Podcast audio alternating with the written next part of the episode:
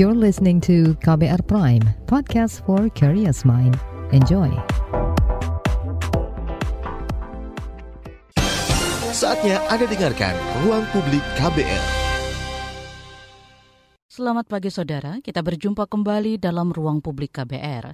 Dan pagi ini kita mengangkat tema peran penting media sosial dalam sosialisasi pemilu.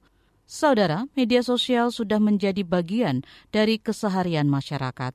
Berdasarkan data dari Asosiasi Penyedia Jasa Internet Indonesia (APJII), pengguna internet di Indonesia mencapai 210 juta jiwa pada awal tahun 2022 dan tingkat penetrasi internet mencapai 77 persen.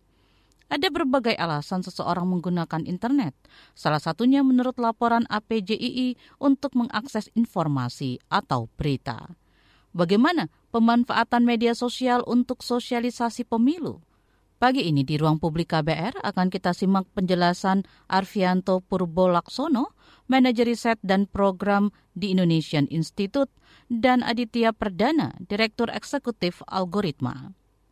Kita buka ruang publik pagi ini dengan menyimak perbincangan saya dengan Arvianto Purbolaksono, manajer riset dan program di Indonesian Institute. Mas Arvianto, uh, berdasarkan temuan angket TII, media sosial merupakan saluran informasi yang dekat dengan anak muda. Nah, bagaimana temuan ini bisa digunakan untuk memberikan pemahaman dan pendidikan politik bagi mereka? Uh, terima kasih Mbak Fitri atas uh, pertanyaannya. Uh, kami the Indonesian Institute Center for Public Policy Research melakukan memang memiliki program untuk melakukan jajak pendapat yang kami lakukan per uh, tiga bulan sekali gitu ya periodenya. Kami dengan keterbatasan kami kami mencoba untuk melakukan riset ini yang secara uh, periodik ini dengan melakukan jajak pendapat kepada uh, kriteria anak muda ya, terutama untuk usia 17 sampai hingga 30 tahun. Uh, pada temuan periode yang untuk angket yang kedua ini, periode kedua ini yang dilakukan pada tanggal 26 Juli sampai 12 Agustus 2002 yang lalu, kami menemukan bahwa sebanyak 88% anak muda mengetahui dinamika sosial politik dan hukum serta ekonomi berdasarkan media sosial sebanyak 89 persen anak muda mengetahui penyelenggaraan pemilu dan pilkada serentak. E, mereka telah mengetahui gitu ya e, informasi tersebut dan terutama e, dari yang mengetahui tersebut tentang pemilu mereka 76 persennya mendapatkan informasi dari media sosial. Nah, e, seperti yang tadi Mbak Fitri sampaikan e, sebelumnya bahwa bagaimana sih sebenarnya melihat anak muda dengan media sosial saat ini gitu. Uh, uh, temuan kami ini sebenarnya juga mengkonfirmasi gitu ya dari data BPS ya berdasarkan publikasinya tentang uh, statistik pemuda Indonesia tahun 2021 yang itu uh, juga menemukan bahwa uh, terdapat 95,57 persen pemuda menggunakan uh, handphone terutama ya untuk mengakses internet dan juga uh, 22,19 persen pemuda menggunakan komputer dan 90,17 persen pemuda menggunakan internet selama tiga bulan terakhir. Artinya memang berdasarkan statistik pemuda Indonesia tahun 2021 tersebut yang kategorinya sama dengan kami e, pilih gitu dalam kategori responden, e, anak muda sangat engage gitu ya dengan dengan internet seperti itu. Dan terutama uh, mereka melakukan uh, mengisi ruang uh, media sosial. Selain itu, kami juga mengkonfirmasi juga dari data APJI gitu ya, dari hasil survei APJI, Asosiasi Penyedia Jasa Internet Indonesia, eh, tentang penetrasi perilaku pengguna internet Indonesia tahun 2022, di mana eh, hasil survei tersebut juga menemukan hampir eh, serupa gitu ya, di mana dalam survei APJI, APJI gitu ya, dalam survei APJI uh, berdasarkan usia, penetrasi internet tertinggi berada di kelompok usia mulai dari 13 sampai 34 tahun gitu. Jadi kalau misalkan Arji ini memiliki kriteria 13 sampai 18 tahun itu uh, dari kriteria tersebut uh, 99,6 persen kelompok usia tersebut sudah terhubung nggak dengan internet. Dan 9, uh, kelompok usia 19 sampai 34 tahun itu juga sama 98,64 persen. Artinya dari beberapa uh, data uh, yang kami coba untuk mengkonfirmasi dari hasil temuan kami, kami melihat bahwa hasil temuan riset kami itu juga serupa gitu ya. Dan hal ini juga mengkonfirmasi gitu dari dari temuan-temuan sebelumnya. Dan apa yang kami uh, temukan di dalam riset kami dan juga data-data sebelumnya tersebut, media sosial merupakan saluran informasi yang memang sangat dekat dan uh, konsekuensinya adalah sebuah uh, ketergantungan informasi gitu ya ketergantungan informasi uh, ketika uh, anak muda sangat dekat gitu ya dengan media sosial. Artinya ketika uh, anak muda ingin mendapatkan informasi tertentu baik uh, untuk keseharian mereka, untuk pergaulan mereka, bahkan untuk pendidikan mereka itu melalui uh, internet dan juga media sosial. Dan juga kami juga melihat dari sisi bagaimana mereka ingin mengetahui tentang dinamika politik, ekonomi, hukum, uh, dan sosial itu juga mereka mendapatkan dari uh, uh, media sosial. Nah, artinya di mana sebenarnya ada ada ada ketergantungan di sini. Kalau kita uh, pernah membaca terkait dengan teori ketergantungan terhadap media itu ya, audiens uh, tergantung dengan media, artinya di sini memang uh, anak muda sebagai audiens ini eh, ketika ingin mencari informasi itu selalu bergantung pada saluran informasi yang dia dekat dengan dia gitu. Dan dan saat ini adalah media sosial. Nah, bagaimana kemudian media sosial ini uh, tidak disalahgunakan untuk menyampaikan eh, informasi-informasi yang katakanlah uh, tidak benar atau cenderung hoax atau malah uh, bersifat provokatif atau menyerang kelompok lain, Mas? Jadi memang uh, ini kalau melihat perilakunya sih sebenarnya sangat unik sih Mbak Fitri ya. Jadi kalau kita melihat lebih dalam lagi eh, perilaku anak muda dalam mengakses informasi tersebut, mereka biasanya uh, mereka mengetahui gitu ya, mengetahui tentang uh, apa dinamika atau berita-berita atau informasi terkait dengan uh, apa uh, yang terjadi saat ini baik apakah itu sosial uh, politik gitu ya uh, hukum dan ekonomi gitu. Tapi memang mereka tidak lantas me, apa, menjadikan itu menjadi uh, patokannya gitu ya, patokannya dalam melihat atau menilai sesuatu gitu. Mereka juga mengkonfirmasi uh, di media-media uh, mainstream lainnya gitu dan uh, terutama uh, di sini adalah uh, televisi, radio ataupun berita-berita uh, yang uh, cetak atau pun yang sekarang ini juga uh, mereka sering akses adalah berita online seperti itu ya. Uh, jadi mereka mengkonfirmasi, tapi dengan catatan bahwa uh, mereka mempercayai berita berita-berita yang tersebut untuk mengkonfirmasi tersebut yang kredibel gitu, memiliki kredibilitas gitu. Jadi tidak lantas mereka mendapatkan informasi dari mm, sosial media langsung mereka menilai atau melakukan penilaian sesuatu. Tidak, tidak seperti itu juga gitu. Dan ini juga uh, kami dalam uh, angket di periode pertama gitu yang kami lakukan di bulan April dan bulan Mei juga menemukan bahwa uh, ketika uh, ditanyakan tentang uh, bagaimana sih mereka uh, memutuskan untuk memilih gitu ya uh, untuk memilih apakah itu legislatif maupun di uh, eksekutif gitu ya mereka uh, mendapatkan informasi dari dari dari ini ya dari dari dari media sosial gitu. Tapi juga salah satu juga mereka juga masih mendapatkan pengaruh dari keluarga atau teman atau lingkungan gitu ya. Artinya tidak lantas itu uh, dominan gitu satu-satunya. Berarti sikap kritis pemakai media sosial itu sangat diharapkan ketika um, membaca ataupun menyerap informasi yang mereka temukan di media sosial begitu ya Mas ya. Tapi kan ini juga terkait dengan literasi digital di masyarakat kita yang uh, bisa dikatakan masih uh, belum uh, baik begitu ya? Ya betul betul betul Mbak Fitri. Jadi beberapa waktu yang lalu juga kami uh, melakukan uh, literatur terhadap uh, beberapa data-data yang telah ada ya dikeluarkan. Misalkan salah satunya adalah status literasi digital tahun 2021 ya yang dikeluarkan oleh Kata Data dan juga Kominfo.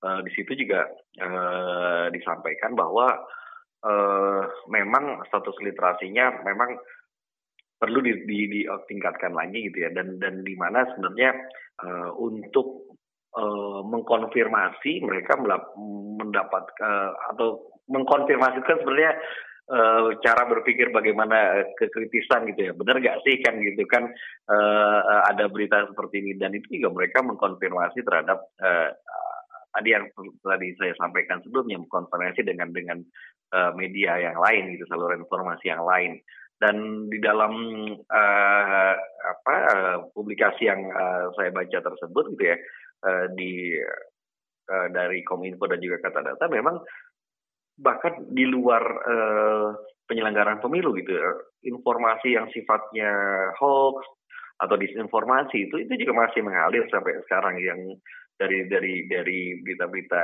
ya, bohong dan temanya sangat masih politik kan gitu kan sekitar 60 persen kalau nggak salah gitu ya itu yang yang masih mengalir di di ruang-ruang media sosial kita artinya sebenarnya perlu kekritisan dari pengguna sosial media sosial uh, terkait dengan uh, bagaimana mereka mendapatkan informasi dan menyaringnya dan sehingga dapat menilai apakah berita ini uh, benar atau tidak kan seperti itu. Tetapi terlepas juga dari sikap uh, kritis yang harus dibangun oleh para pengguna media sosial, Mas, uh, di uh, tahap awal tentunya memasukkan konten di media sosial yang sifatnya informatif dan kemudian sangat bisa memberikan pendidikan politik itu tentu kita harapkan, begitu ya? Ya betul betul.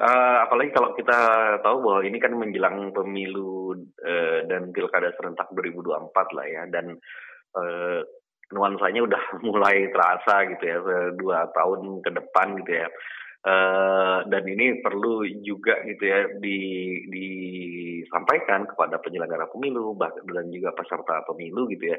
Bagaimana mendorong informasi-informasi uh, yang sifatnya uh, membangun ya seperti itu ya. Tidak lagi dilantas di, diisi oleh uh, apa informasi-informasi yang berisi berita bohong ataupun uh, ujaran kebencian dan itu akhirnya merusak gitu ya, merusak dari ekosistem kali ya uh, di sosial media, media sosial kita gitu ya dan akhirnya dampaknya kepada uh, pengguna dan dalam hal ini uh, anak muda gitu ya, yang sangat dekat dengan sosial media seperti itu. Dan kalau dikatakan bahwa bagaimana sih melihat pemahaman politik dari anak muda uh, jelang pemilu 2024, uh, saya rasa ketika uh, uh, anak muda gitu ya mengakses sosial media dan juga saluran media lainnya gitu ya uh, baik itu berita online ataupun media mainstream lainnya ya mereka menjadi menjadi lebih uh, rasional dan juga evaluatif gitu ya terhadap persoalan gitu.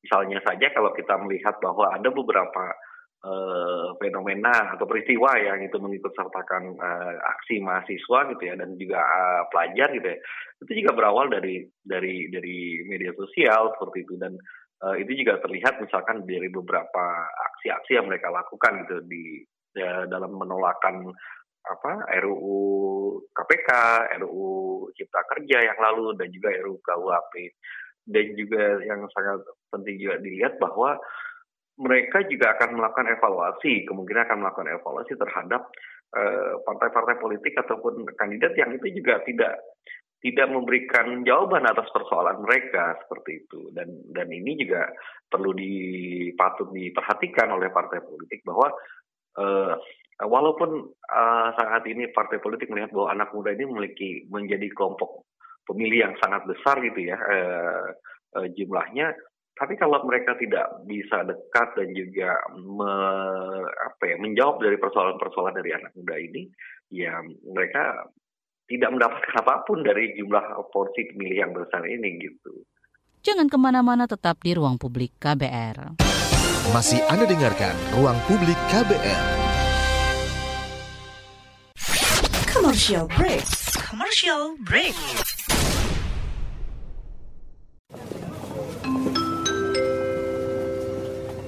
Mohon perhatian, panggilan terakhir penumpang Trending Air dengan nomor penerbangan WT0101 dipersilakan segera mendengarkan podcast What's Trending melalui Spotify.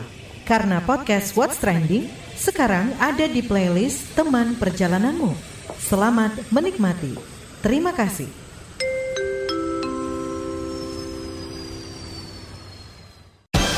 Masih Anda dengarkan Ruang Publik KBR.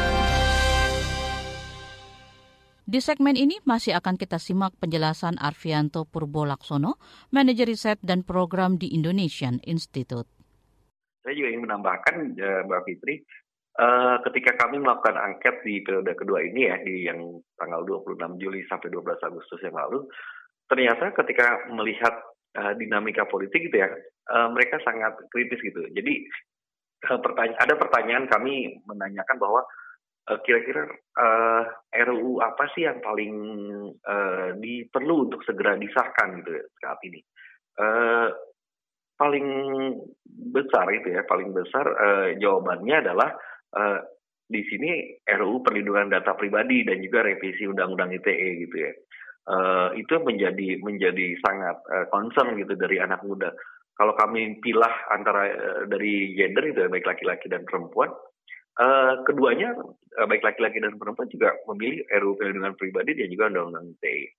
Walaupun ada perbedaan ketika kita bicara tentang RUU lainnya, misalkan RUU keadilan dan kesetaraan gender dan juga kesejahteraan ibu dan anak itu ada perbedaan ketika anak muda perempuan gitu ya itu lebih banyak milih keadilan gender dan kesetara, kesetaraan gender ya keadilan dan kesetaraan gender seperti itu.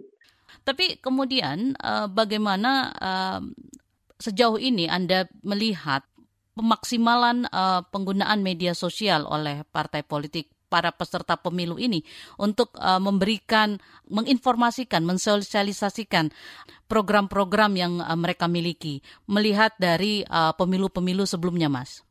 Ya, ini menjadi catatan juga ya, bagaimana penggunaan uh, media sosial dari uh, sudut sudut pandang atau dari sisi uh, peserta ya, peserta pemilu seperti itu ya. Uh, uh, idealnya gitu ya, idealnya dari beberapa literatur yang uh, kami uh, baca dan juga dalam menyusun uh, riset ini, memang uh, sosial media itu sebenarnya memberikan uh, ruang gitu ya, ruang yang lebih terbuka gitu antara uh, peserta pemilu dalam baik hal ini adalah uh, partai politik ataupun kandidat untuk bertemu dengan uh, konstituennya gitu. Ataupun dalam hal ini audiensnya gitu atau pemilihnya di sini. Uh, ruang terbuka itu diharapkan bisa uh, berjalan uh, komunikasi dua arah seperti itu ya. Uh, dan jadi ketika uh, peserta uh, peserta pemilu baik partai politik dan juga kandidat itu memberikan uh, atau menyuarakan tentang visi misi program gitu ya. Itu juga diharapkan ada feedback gitu dari atau komentar dari dari para uh, konstituen mereka atau pemilih mereka gitu ya. Dan itu akhir, harusnya bisa berjalan dua arah. Tapi nyatanya uh, pada hari ini gitu ya uh, kebanyakan uh, masalahnya adalah banyak peserta atau uh, uh, peserta pemilu baik partai kandidat itu hanya menggunakan uh, sosial media itu uh, hanya satu arah gitu, satu arah komunikasi satu arah gitu. Artinya mereka kurang memaksimalkan potensi yang ada gitu ya, potensi yang ada dalam uh, media sosial itu sendiri gitu. Seharusnya mereka bisa lebih dekat. Tuh. Uh, saya tidak tahu apakah ini mereka ingin melihat bahwa uh, sosial media itu hanya sekedar ya hanya sekedar ada aja gitu ya, yang penting ada aja gitu ya. Dan tetap menjaga pencitraan mereka gitu. Kadang-kala kan uh, ada proses administrasi ya, uh, di di di ada adminnya gitu ya di, di itu kan di mereka lakukan padahal kan seharusnya uh, si politisi ini atau kandidat ini ataupun partai politik ini yang yang yang yang langsung gitu menjawab menjawab persoalan yang disampaikan gitu baik di kolom uh, chat ataupun kolom komentar gitu akhirnya ada komunikasi dua arah. Tapi selama ini saya lihat uh, dari berbagai apa uh, sosial media yang dimiliki oleh partai politik atau kandidat ya banyak kan ya adminnya aja gitu. Kalau misalkan ada kata-kata yang mungkin menyinggung ya mungkin juga dihapuskan gitu kan. Dan ini menjadi persoalan dan uh, itu tidak memaksimalkan akhirnya memaksimalkan uh, potensi yang ada di media sosial gitu sih sebenarnya. Kalau saya lihat uh, atau kami lihat sampai sejauh ini ya. Padahal eh, membangun uh, apa komunikasi dua arah itu adalah salah satu keunggulan dari media sosial ya masnya ketimbang media massa yang ada saat ini begitu ya?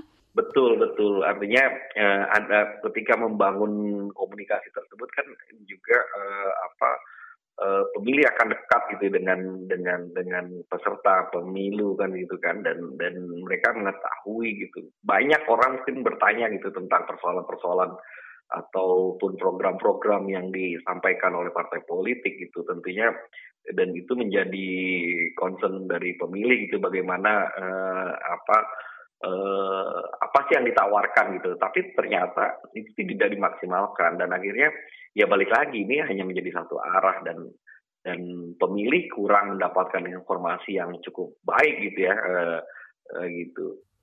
Tetapi apakah di pemilu 2024 ini uh, fenomena yang sama akan terjadi atau sudah mulai ada pergeseran, Mas, uh, terutama dengan adanya partai-partai yang memang uh, fokus pada anak muda?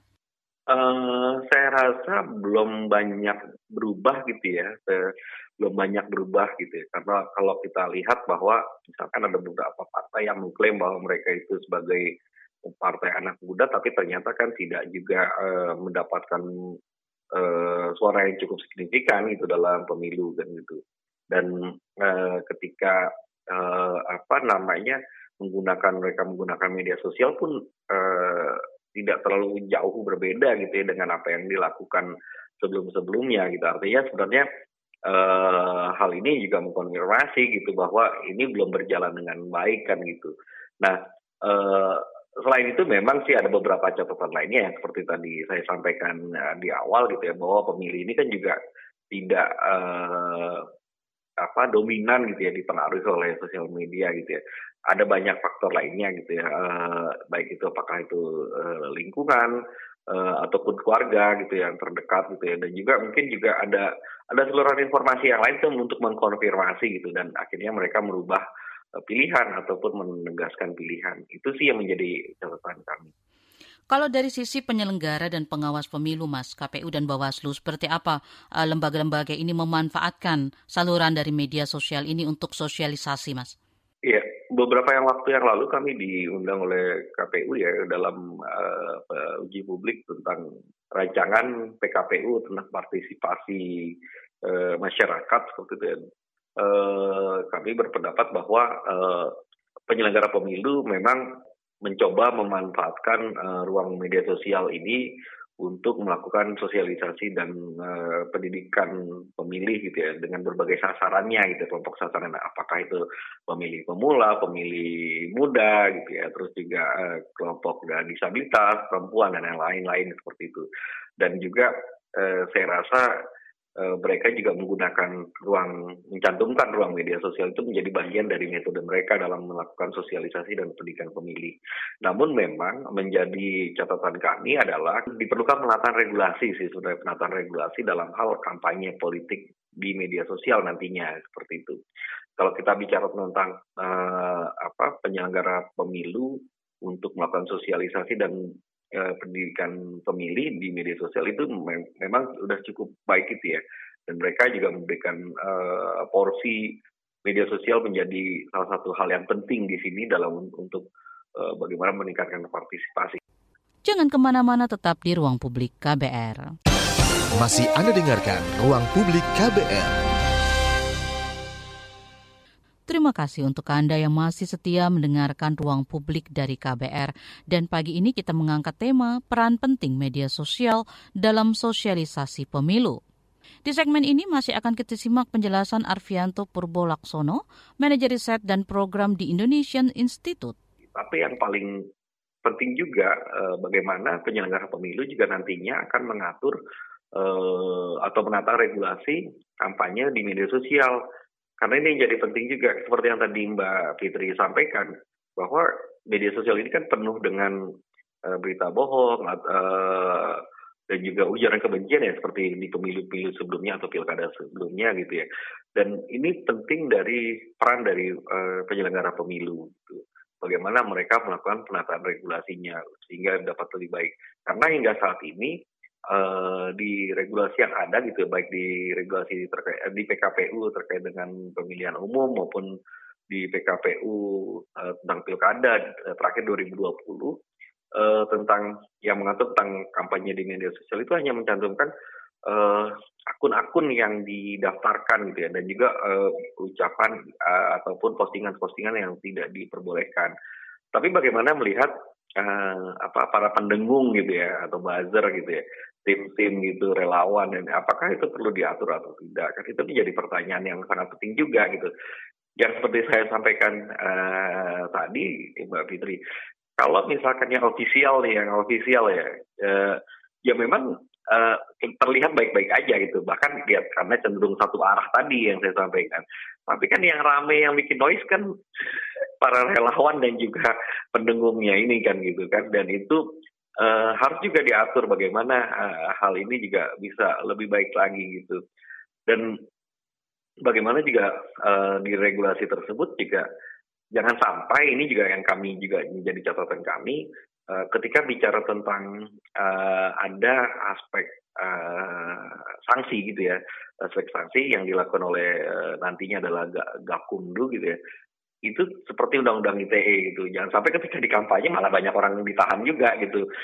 Nah, ini jadi persoalan nantinya kan gitu kan. Nah, itu yang yang bagi kami juga penting juga dilihat dan makanya uh, di sini penyelenggara pemilu baik KPU dan Bawaslu perlu melakukan kerjasama dengan uh, multi pihak gitu ya, uh, baik organisasi masyarakat sipil, institusi uh, pendidikan, akademisi seperti itu, dan juga uh, kelompok pentingan yang lainnya. Bagaimana untuk merumuskan PKPU uh, penye kampanye penyelenggaraan uh, uh, pemilu dan pilkada serentak, khususnya untuk di media sosial agar agar tidak Uh, pertama tidak dibanjiri dengan berita bohong dan juga ujaran kebencian, tapi juga di sisi yang lain juga tidak memberikan efek uh, seperti halnya undang-undang ITE gitu ya.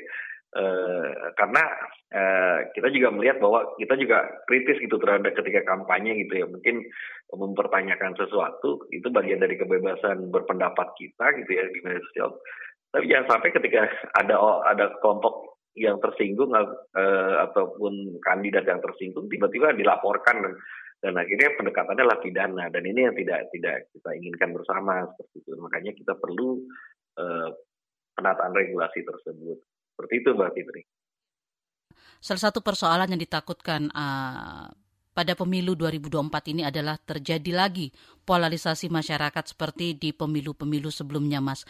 Nah, bagaimana rekomendasi dari TII sendiri uh, agar uh, polarisasi tidak terjadi atau tidak uh, seburuk di pemilu-pemilu sebelumnya dan uh, salah satunya dengan memanfaatkan atau membangun media sosial sebagai ruang yang sehat sebagai tempat uh, pendidikan politik dan juga sosialisasi pemilu, Mas.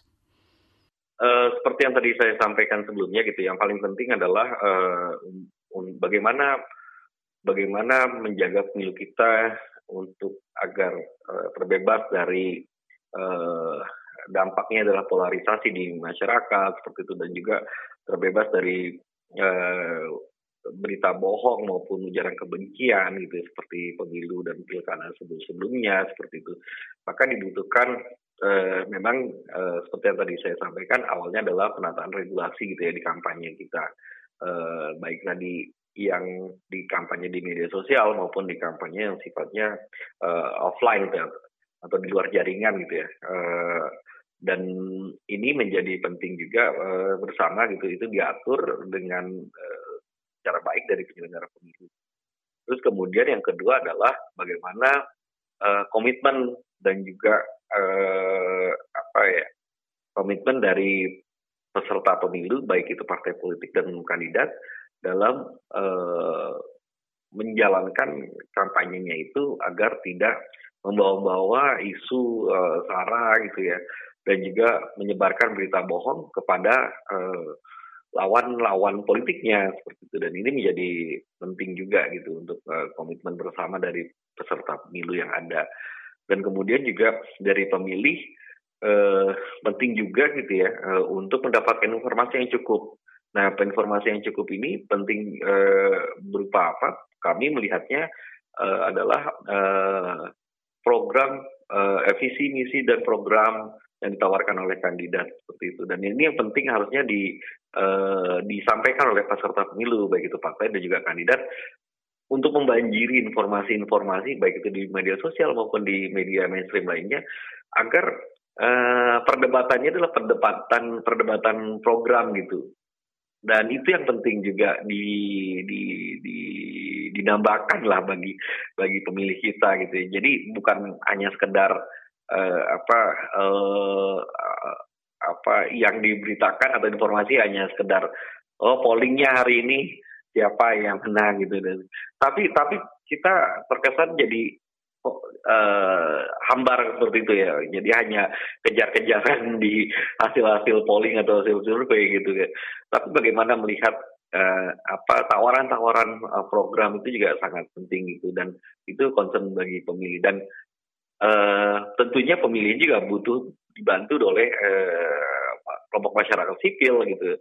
Karena ini penting juga kelompok masyarakat sipil uh, dari penggiat pemilu, aktivis demokrasi itu penting juga untuk bagaimana mendorong penyelenggara maupun partai politik untuk bagaimana mengeluarkan tadi uh, program-program mereka gitu, menyuarakan uh, program-program kerja yang ditawarkan oleh mereka gitu, supaya uh, pemilih juga dapat uh, lebih uh, informatif gitu dan juga bisa menentukan pilihannya berdasarkan uh, visi uh, misi dan juga program yang ditawarkan untuk uh, ke depan lebih baik itu. Tahapan pemilu 2024 dimulai dengan pendaftaran partai pemilu dan telah berjalan sejak awal Agustus 2022. Seperti apa pandangan pemilih tentang pemilu 2024 ini? Berikut kita simak penjelasan Aditya Perdana, Direktur Eksekutif Algoritma dalam webinar Algoritma Apa Kata Pemilih tentang Pemilu 2024 yang disiarkan lewat Zoom. Oke, okay, uh, eh, ada beberapa hal yang saya pikir perlu untuk kemudian kita sama-sama uh, apa uh, lihat gitu ya. Latar belakangnya yang kemudian kita menjadi satu catatan adalah satu bahwa kita tahu bahwa uh, pemilu 2004 akan kembali digelar dan kemudian menjadi hajatan yang uh, lumayan besar gitu ya. Karena ini pertama kalinya pemilu akan dilakukan serentak di tahun yang sama gitu ya. Meskipun nanti akan ada dua kali uh, apa pemilu waktunya yang berbeda di bulan Februari 2024 dan juga bulan uh, November 2024.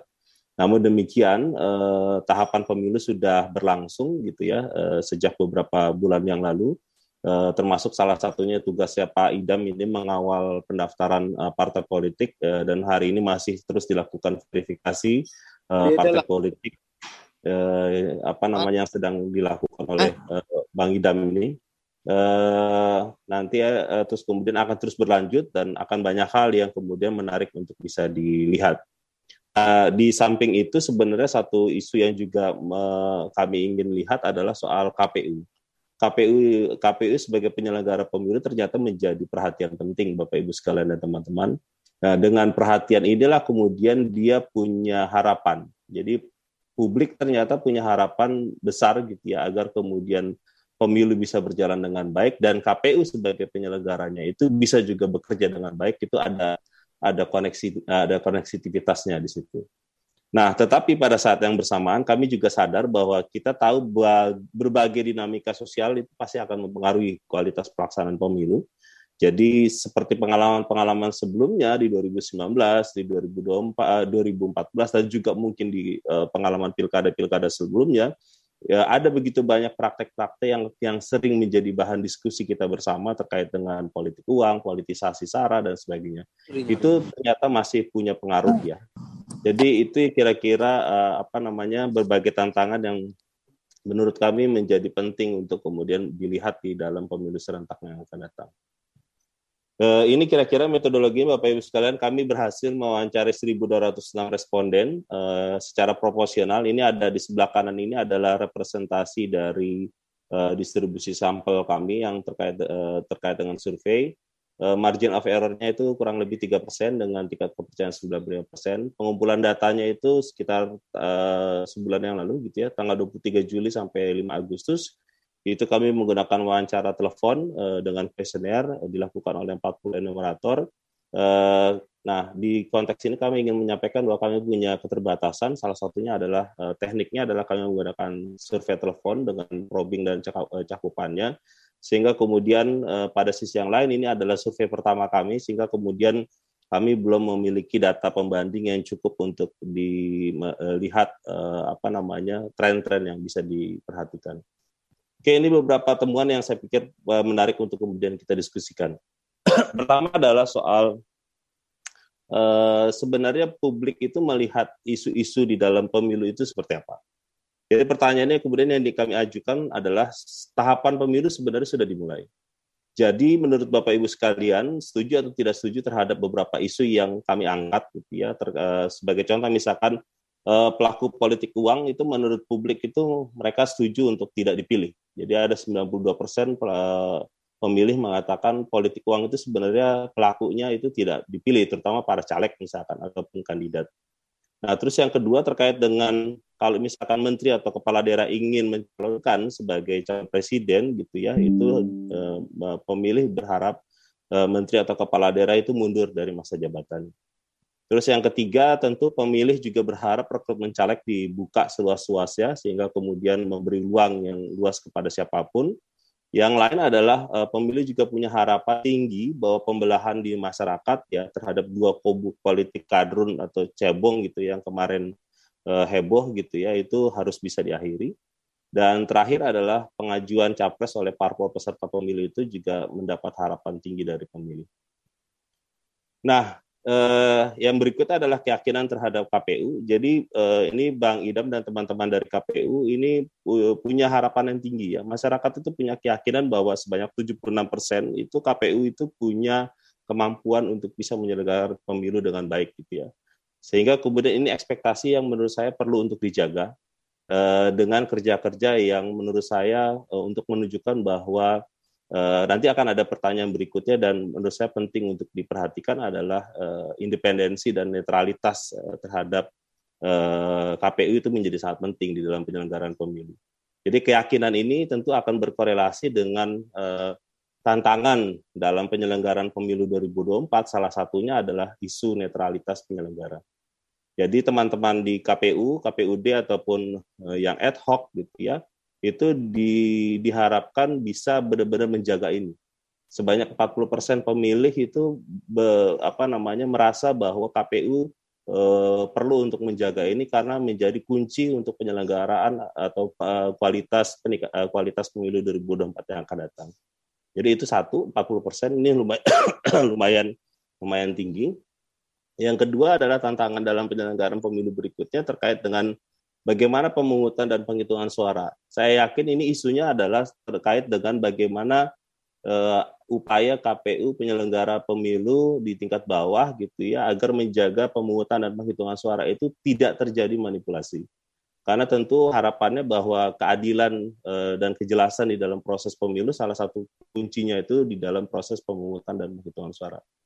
Terus kemudian penyelenggaraan kampanye itu sesuai aturan sebanyak 15 persen dan yang lain adalah soal kualitas daftar pemilih. Jadi ini harapan-harapan uh, publik gitu ya di dalam tahapan pemilu yang memang menjadi uh, menurut kami adalah menja uh, menjadi perhatian gitu ya agar kemudian nanti bisa di, di diimplementasikan oleh penyelenggara terutama KPU. Terakhir adalah soal penanganan pengaduan dan sengketa pemilu ini nanti menjadi ranahnya Bawaslu itu juga menjadi perhatian publik. Nah, eh, apa yang menjadi kekhawatiran masyarakat terhadap eh, persoalan-persoalan atau hal-hal negatif dalam pemilu 2024? Ini sebenarnya eh, apa namanya ternyata mengkonfirmasi Bapak Ibu sekalian bahwa ternyata apa yang terjadi di pemilu-pemilu sebelumnya 2019, 2014 ataupun di dalam pilkada di mana isu-isu yang terkait dengan kepemiluan kita yang negatif tentunya ini menjadi isu serius. Pertama adalah soal hoax dan eh, disinformasi itu menjadi isu serius yang menjadi kekhawatiran masyarakat. Itu ada 92 persen.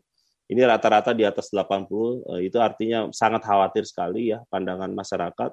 Yang kedua adalah kampanye hitam gitu ya antar para pendukung ini juga menjadi sesuatu yang sangat serius. Jadi eh, ada di atas 90 persen. Yang politik uang ini juga memang mengkhawatirkan juga gitu ya dan terakhir adalah penggunaan simbol identitas atau uh, menggunakan isu SARA. Jadi empat isu ini menurut kami adalah kekhawatiran uh, yang perlu untuk diperhatikan secara serius gitu ya oleh para penyelenggara, uh, penyelenggara khususnya KPU dan juga nanti bisa diawasi oleh Bawaslu uh, agar kemudian bisa diminimalisir atau bahkan bisa direduksi gitu ya. Jadi ini mungkin uh, PR yang mungkin bukan hanya di penyelenggara tetapi di uh, masyarakat gitu ya. Bagaimana kita bisa bersama-sama menjaga agar kekhawatiran-kekhawatiran ini bisa untuk direduksi sehingga kemudian kualitas penyelenggaraan pemilu Kembali kita kami ingatkan kalau ruang publik KBR hari ini adalah rekaman, jadi kami tidak bisa menerima pertanyaan dari pendengar. Jangan ke mana-mana tetap di ruang publik KBR. Masih Anda dengarkan Ruang Publik KBR. Commercial break. Commercial break. Sepasang kekasih yang terpaut usia hingga 61 tahun di Subang. Ini bukan hal baru. angka pernikahan dini juga Kawin anak terus terjadi, sering kali menjadi viral bahkan jadi bahan guyonan dalam kemasan berita yang sensasional. Seorang gadis berusia 18 tahun. Seolah ini bukan masalah. Tapi, bagaimana rasanya kawin ketika masih di usia anak? Ya, gimana sih perasaan saya tuh sebenarnya hancur waktu itu. Hancur. bisa naik sekolah Ya, pengen banget sekolah lihat orang. Saya ajak kamu mendengar langsung suara mereka yang dikawinkan di usia anak. Ibu sama bapak tetap paksa untuk menikah, saya tidak bisa memenuhi impian Bapak Ibu. Saya Malika, ini adalah Disclose, serial podcast investigasi dari KBR. Yang penting saya mau ningkain cita-cita Disclose, dipaksa kawin. Bisa disimak di KBR Prime, Spotify, dan aplikasi mendengarkan podcast lainnya. Masih Anda dengarkan Ruang Publik KBR. Kita masih akan menyimak penjelasan Aditya Perdana, Direktur Eksekutif Algoritma. Penjelasan ini kami kutip dalam webinar Algoritma, apa kata pemilih tentang pemilu 2024 yang disiarkan lewat Zoom. Nah, terus kemudian isu lain adalah sebenarnya gimana perilaku pemilih kita gitu ya. Eh, kami ada pertanyaan sebenarnya apa alasan utama Bapak Ibu atau saudara memilih partai?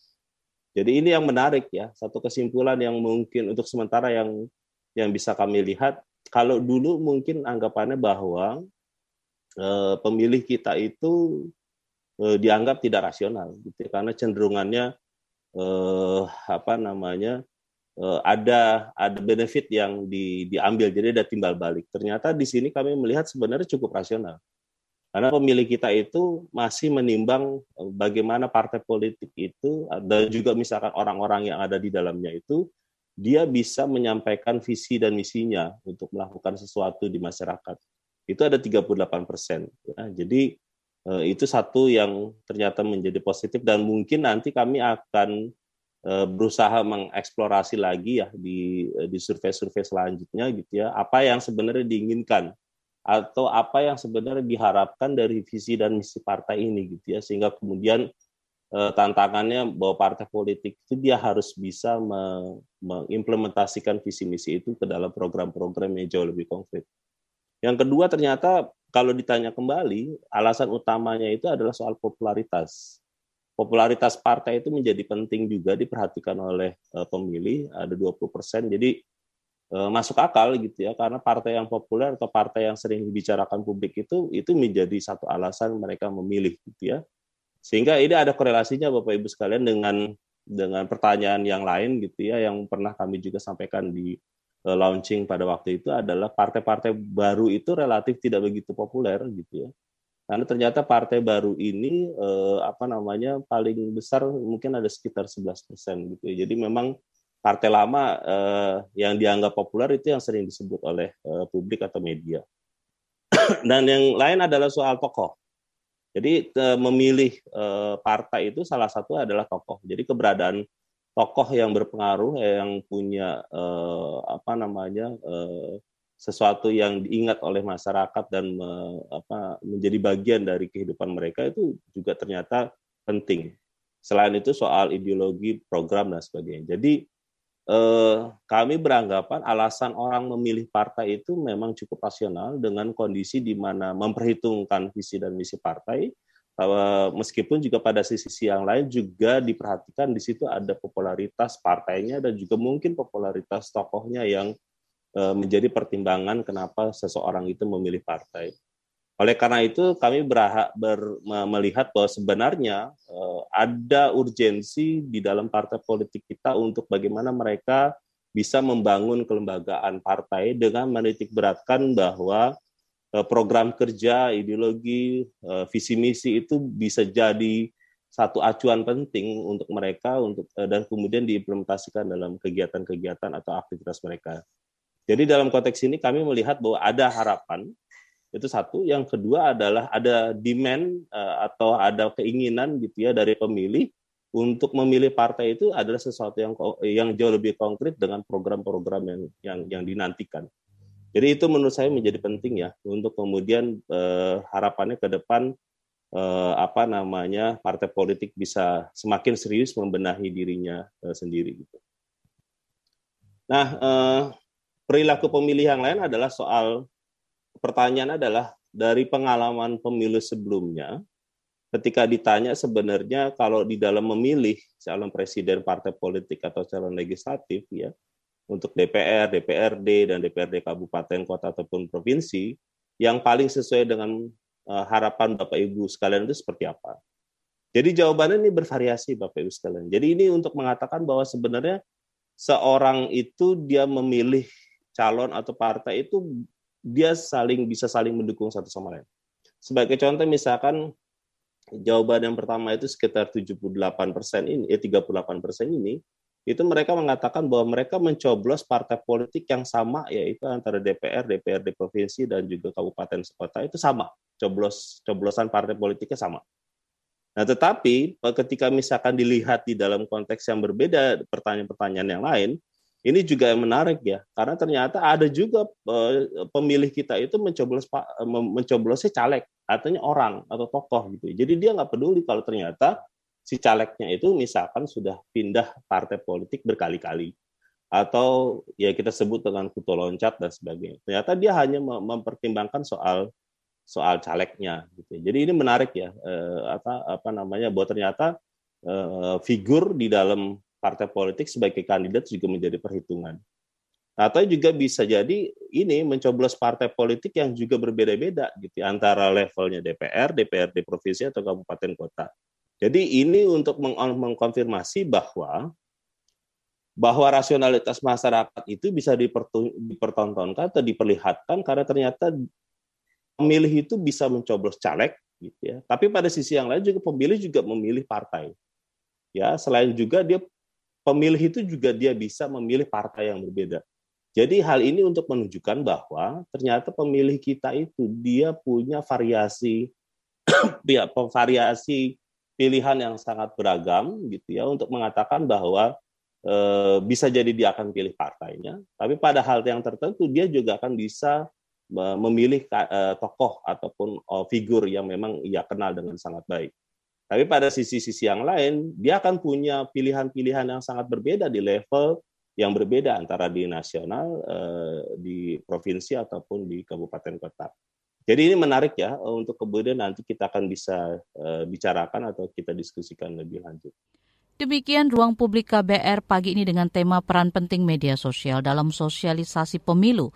Terima kasih untuk kebersamaan Anda di pagi ini. Saya Fitri Anggreni undur diri. Salam. Baru saja Anda dengarkan Ruang Publik KBR. KBR Prime, cara asik mendengar berita. KBR Prime, podcast for curious mind.